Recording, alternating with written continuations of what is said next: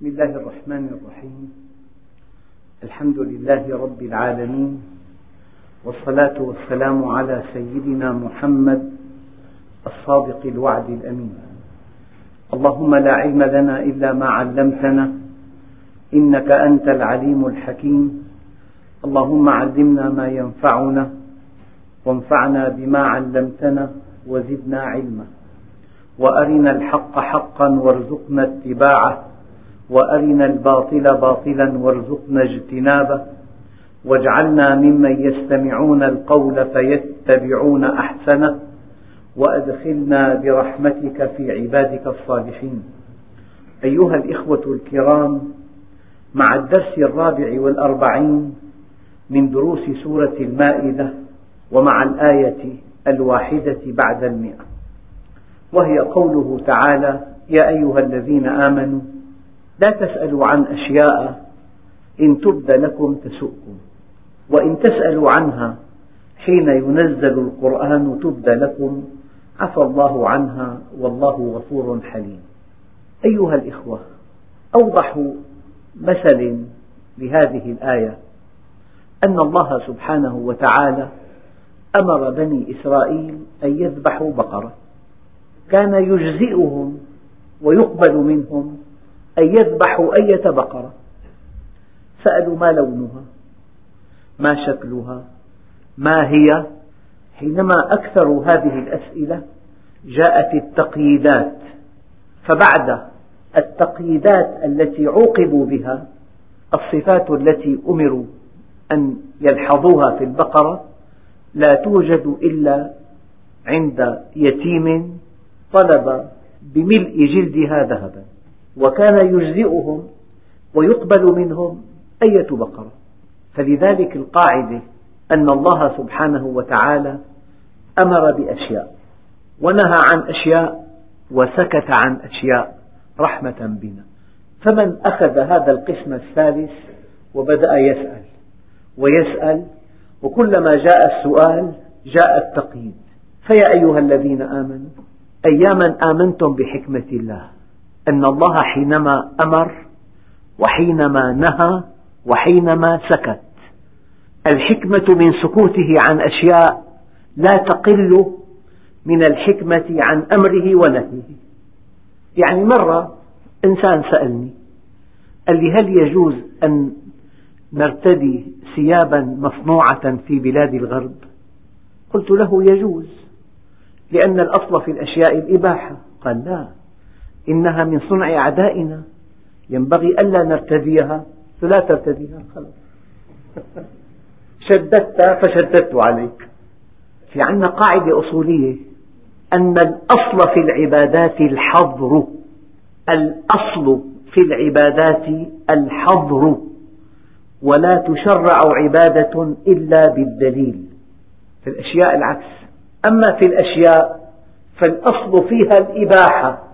ولا يحرم شيء إلا بالدليل.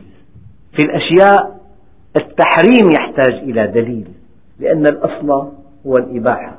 أما في العبادات العبادة تحتاج إلى دليل لأن الأصل في العبادة الحظر. فأول توجيه لهذه الآية أن يا أيها الذين آمنوا لا تسألوا عن أشياء إن تبد لكم تسؤكم. إن سألتم عنها جاء التقييد. وإن جاء التقييد جاءت المشقة. وقد يسوءك المشقة. هذا أول بند من البنود. ينبغي أن تعتقد أن الذي سكت الله عنه لحكمة بالغة لا تقل عن الذي أمرك به أو نهاك عنه. بشكل أو بآخر أي شيء يقربك من الله؟ مهما كان صغيرا أمرك الله به إن في قرآنه أو في سنة رسوله. وما من شيء يبعدك عن الله عز وجل. مهما يكن صغيرا نهاك الله عنه إن في كتابه أو في سنة نبيه. لكن سكت عن طريقة الطعام لك أن تأكل على طاولة ولا شيء عليك. ولك أن تأكل على الأرض ولا شيء عليك. ولك أن تؤسس بيتك بأثاث معين ولا شيء عليك. ولك أن ترتدي قماشا ملونا أو غير ملون ولا شيء عليك. في الأشياء الحيادية التي لا تقدم ولا تؤخر ولا علاقة لها أصلا بوجهتك إلى الله عز وجل سكت الله عنها رحمة بنا وتوسعة على عباده. فهذا الذي يتنطع ويسأل لو فعلت كذا هل أعد آثما؟ يضيق عليك إلى أن يلجئك إلى أن تحرم عليه عقابا من الله له. طبعا هذا من عند الله عز وجل.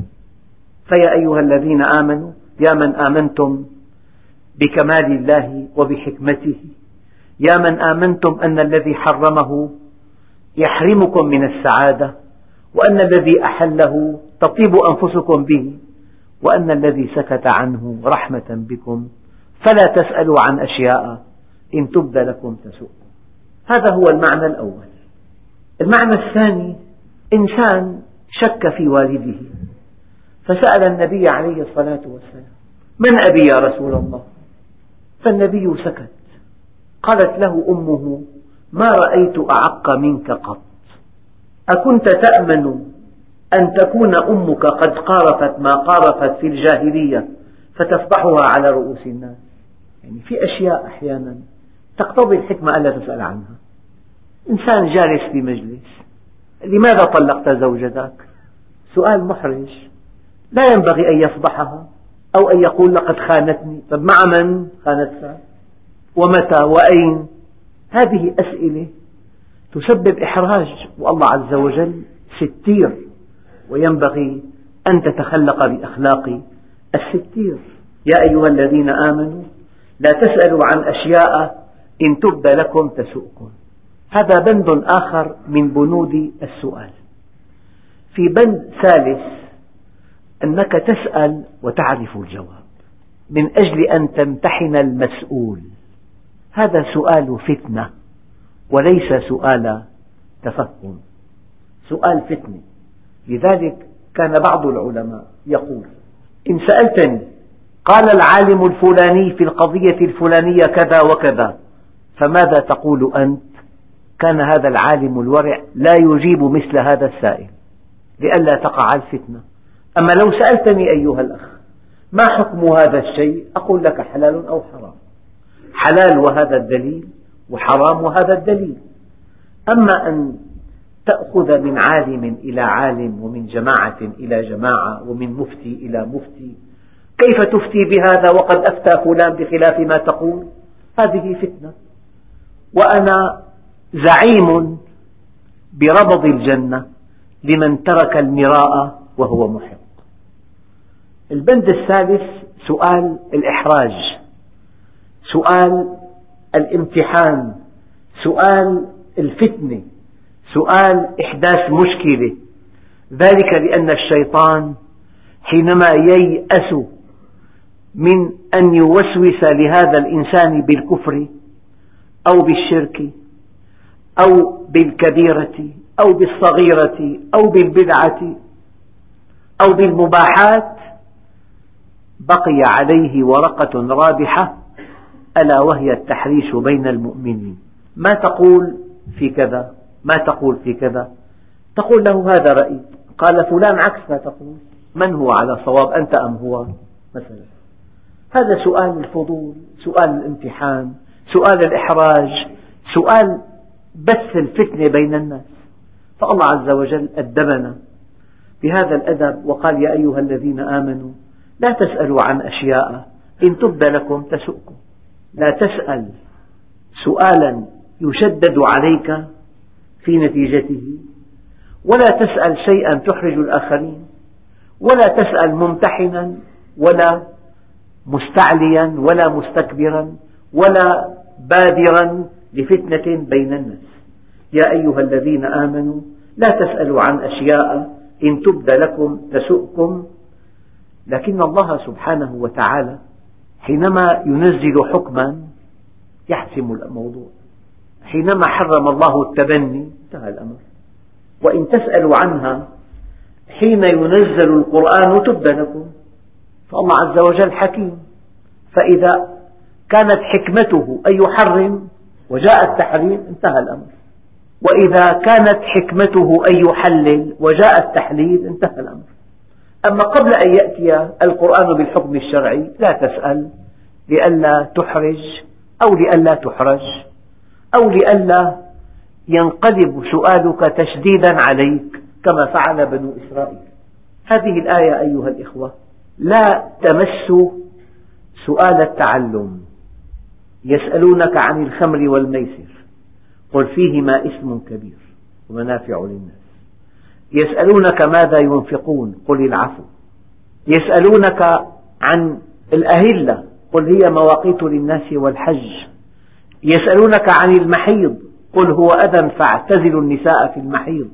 إذا كنت تسأل سؤال المتعلم وسؤال المستفهم فالسؤال مفتاح العلم والسائل محترم عند كل الناس.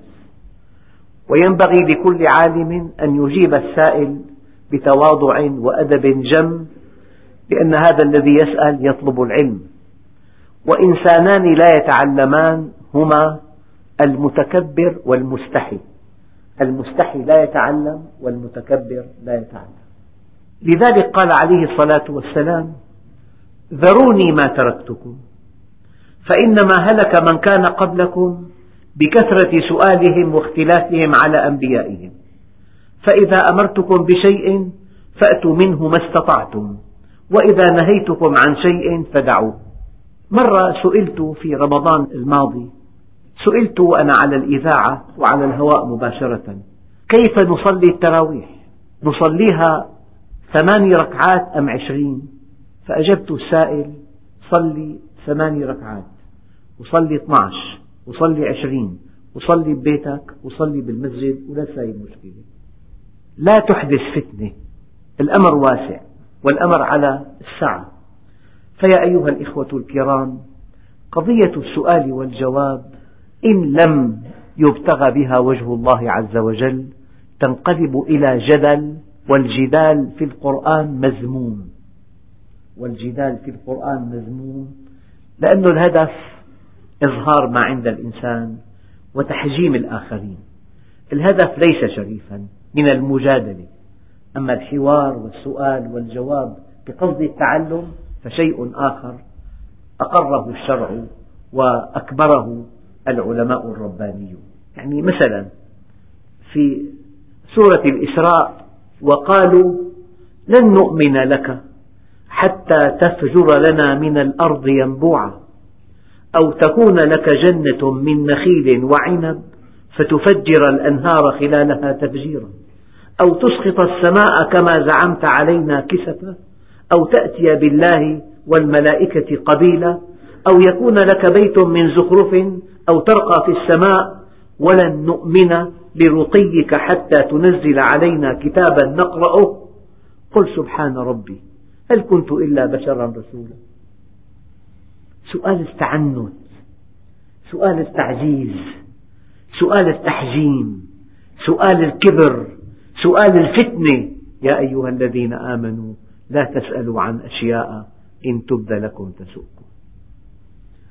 إما أن تسألوا سؤال التضييق فيشدد عليكم وإما أن تسألوا سؤال الإحراج فتقعون في إثم كبير وإما أن تسألوا سؤال الامتحان فيكون هذا كبرا واستعلاء لا يرضي الله عز وجل. أعرابي سأل النبي عليه الصلاة والسلام وهو على المنبر يا محمد متى الساعة؟ قال وماذا أعددت لها؟ رد عليه بسؤال وماذا أعددت لها؟ يعني لا تهتم بمتى ولكن اهتم بما أعددت له. لذلك أيها الإخوة الله عز وجل قال وما كان الله ليعذبهم وأنت فيه. وهذه الآية تملأ نفوس المسلمين راحة. لأنهم في مأمن من عذاب الله إذا كانت سنة النبي بين ظهرانيهم إذا كانت سنة النبي مطبقة في حياتهم في بيوتهم في أعمالهم في كسب أموالهم في إنفاق أموالهم في تجارتهم في أفراحهم في أتراحهم في سفرهم في حلهم. إذا كان منهج الله عز وجل وسنة النبي صلى الله عليه وسلم مطبقة في حياتهم هم في مأمن من عذاب الله. هم في مأمن آخر وما كان الله معذبهم وهم يستغفرون. الآية التي تليها ما جعل الله من بحيرة ولا سائبة ولا وصيلة ولا حام. ما جعل ما نافية ما جعل الله من بحيرة ولا سائبة ولا وصيلة ولا حام ولكن الذين كفروا يفترون على الله الكذب وأكثرهم لا يعقلون. كيف؟ أحيانا يأتي الرجل وبيده قطعة من الصابون ويأتي بقطعة من الجبن يضعها في المطبخ. طبعا الجبن للأكل والصابون للغسل. جعل الجبن من أجل الأكل وجعل الصابون من أجل الغسل. رب البيت جاء بقطعتين قطعة لها استعمال وقطعة لها استعمال آخر. لو أننا وضعنا هذا الصابون في الطعام لفسد الطعام. ولو وضعنا الجبن لغسل الصحون لما نجحت هذه العملية. إذا الذي جعله الله لشيء ينبغي أنت ألا تجعله لشيء آخر. يعني في البراري قد تموت بعض الحيوانات وقد تتفسخ وقد يصدر عنها رائحة لا تحتمل. لذلك خلق الله الخنزير لمهمة أن هذه الأمكنة الخالية وفيها حيوانات متفسخة. تموت قطة يموت كلب يموت حيوان آخر. فيأتي هذا الخنزير ويرى أن هذا اللحم المتفسخ أطيب طعام له.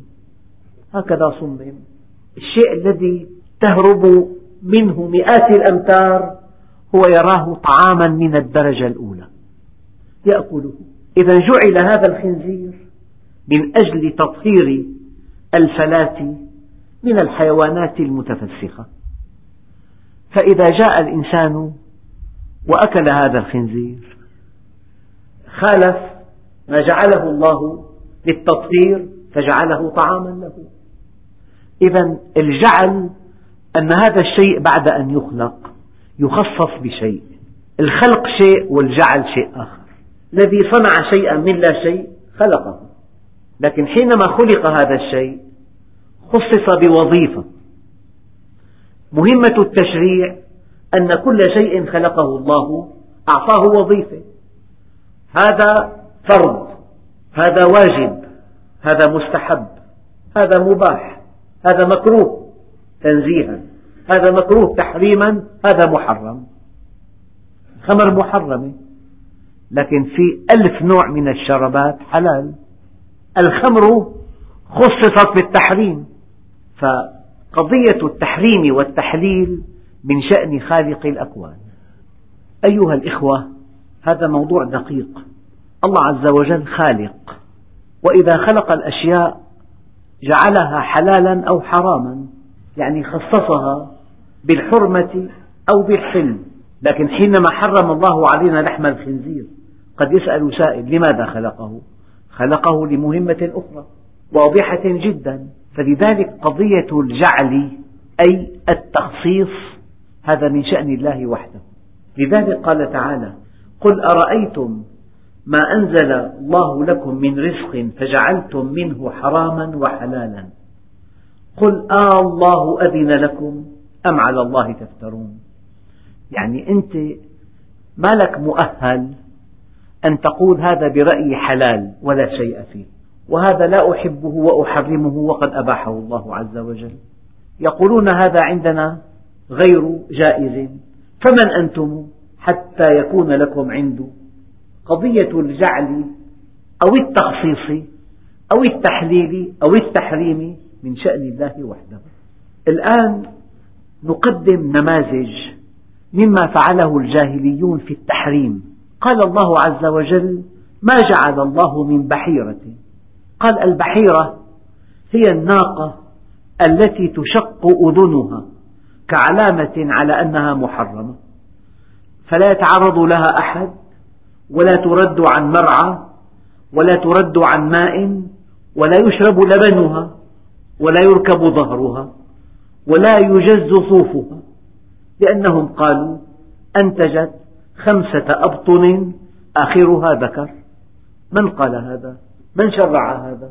هذه الناقة أنتجت خمسة أبطن آخرها ذكر إذا تشق أذنها علامة تحريمها لا يتعرض إليها أحد لا ترد عن مرعى لا ترد عن ماء لا يشرب لبنها لا يركب ظهرها لا يجز صوفها.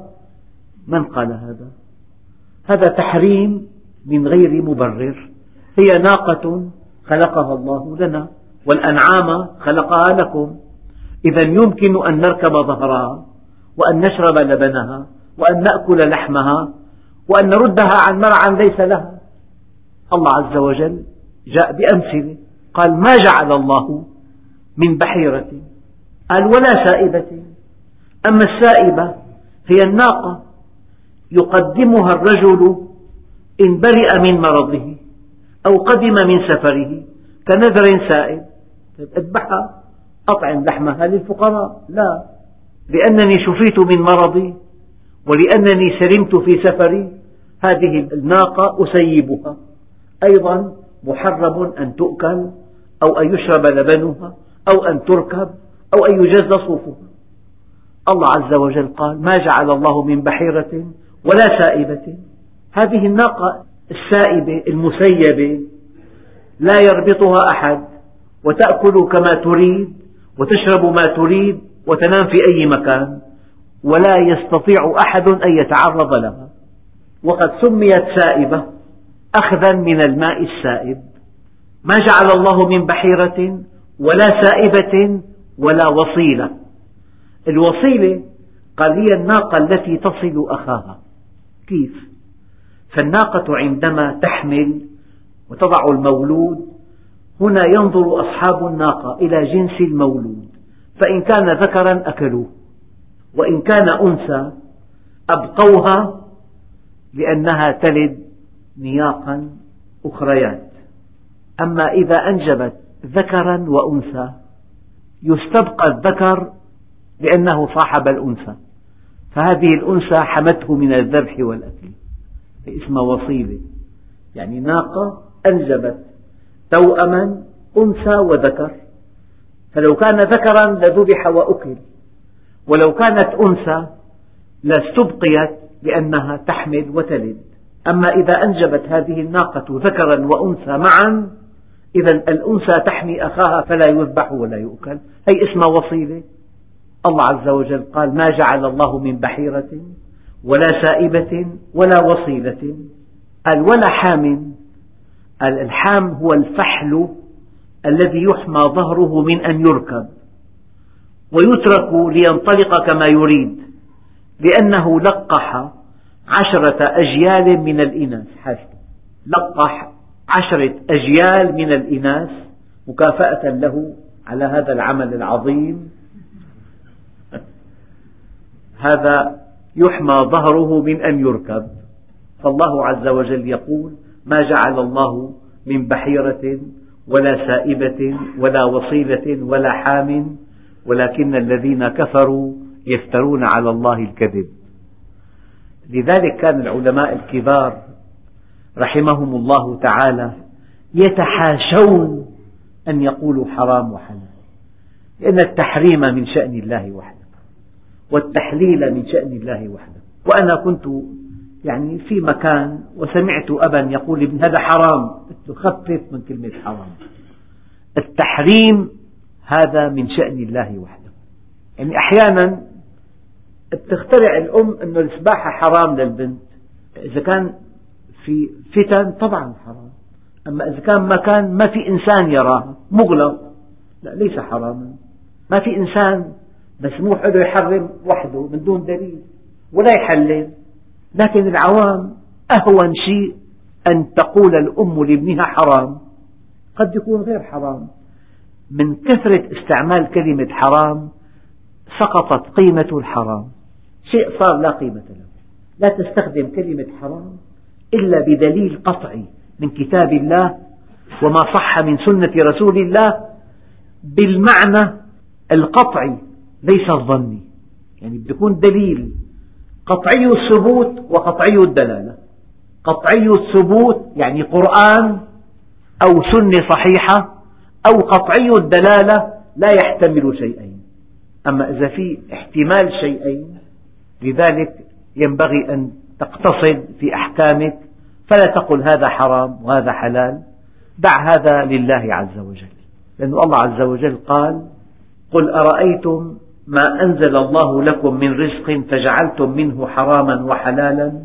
قل آه الله أذن لكم أم على الله تفترون؟ طبعا الشواهد كثيرة جدا.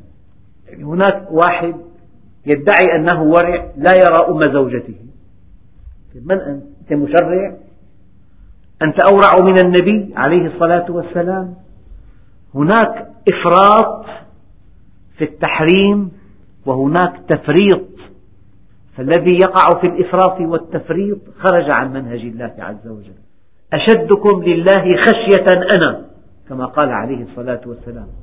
أنام وأقوم أصوم وأفطر أتزوج النساء. هذه سنتي فمن رغب عنها فليس من أمتي. يعني في بعض الجماعات في بلاد إسلامية مجاورة يحرمون الزواج على الشبان مثلا. من سمح لك أن تحرم عليه الزواج؟ قضية الحلال والحرام قضية من شأن الله وحده. فأنت مكلف أن تبحث عن دليل التحريم القطعي الثبوت والقطعي الدلالة قرآنا أو سنة وأن تبحث عن دليل التحليل أن يكون الدليل قطعي الثبوت والدلالة. المشكلة أن العادات والتقاليد أحيانا تغلب على الإنسان. لذلك وإذا قيل لهم تعالوا إلى ما أنزل الله وإلى الرسول قالوا حسبنا ما وجدنا عليه آباءنا أولو كان آباؤهم لا يعلمون شيئا ولا يهتدون. يعني أحيانا تنشأ الآن فتن يعني العادات والتقاليد في الأعراس تخالف الشرع. فإذا رفض الشاب المؤمن التائب أن يجاري أهله أو أهل زوجته في هذه الاحتفالات التي فيها منكرات يعني أقيم عليه النكير. وقامت الدنيا ولم تقعد. ماذا فعل؟ أراد تطبيق منهج الله فرفض. لذلك وإذا قيل لهم تعالوا إلى ما أنزل الله وإلى الرسول قالوا حسبنا ما وجدنا عليه آباءنا أولو كان آباؤهم لا يعلمون شيئا ولا يهتدون. أيها الإخوة الكرام ملخص هذا الدرس أن الله سبحانه وتعالى اختص بجعل الأشياء حراما وحلالا وهو الخبير ولا ينبئك مثل خبير وأنت ما عليك إلا أن تبحث عن الدليل دليل التحريم أو دليل التحليل وأن تنصاع لأمر الله أما أن تنصب نفسك مشرعا وأن تحرم أشياء وأن تحلل أشياء وتدعي أن هذه غير منطقية. هذا الشيء يقال يوميا. يعني معقول المال ما استثمره هذا جهدي وعرقي. أضعه في مصرف ربوي وآخذ فائدته. الزمن تغير. هو يحلل لنفسه. معقول أن أحجب نسائي؟ إنسانة يجب أن تكون حرة أن تفعل ما تشاء. فكل واحد عمل لحاله دين تفصيل. الدين هو فصل تفصيل. على قد شهواته ومصالحه. الشيء ما بيكلفه شيء بيساوي بيصلي. بحط إنا فتحنا لك فتحا مبينا. بحط آية الكرسي. بحط مصحف بالسيارة بس يدع المال بالبنك وأخذ الفوائد لكن أصبحت ضرورة. طيب الله عز وجل كان غافلا حينما حرم الربا. هذا شيء غير مقبول. هناك من يدعي أن العصر تغير والأحكام الشرعية لغير هذا الوقت.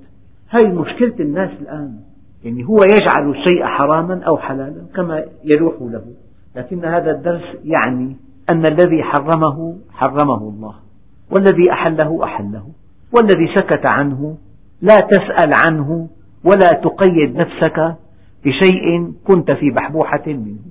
والحمد لله رب العالمين.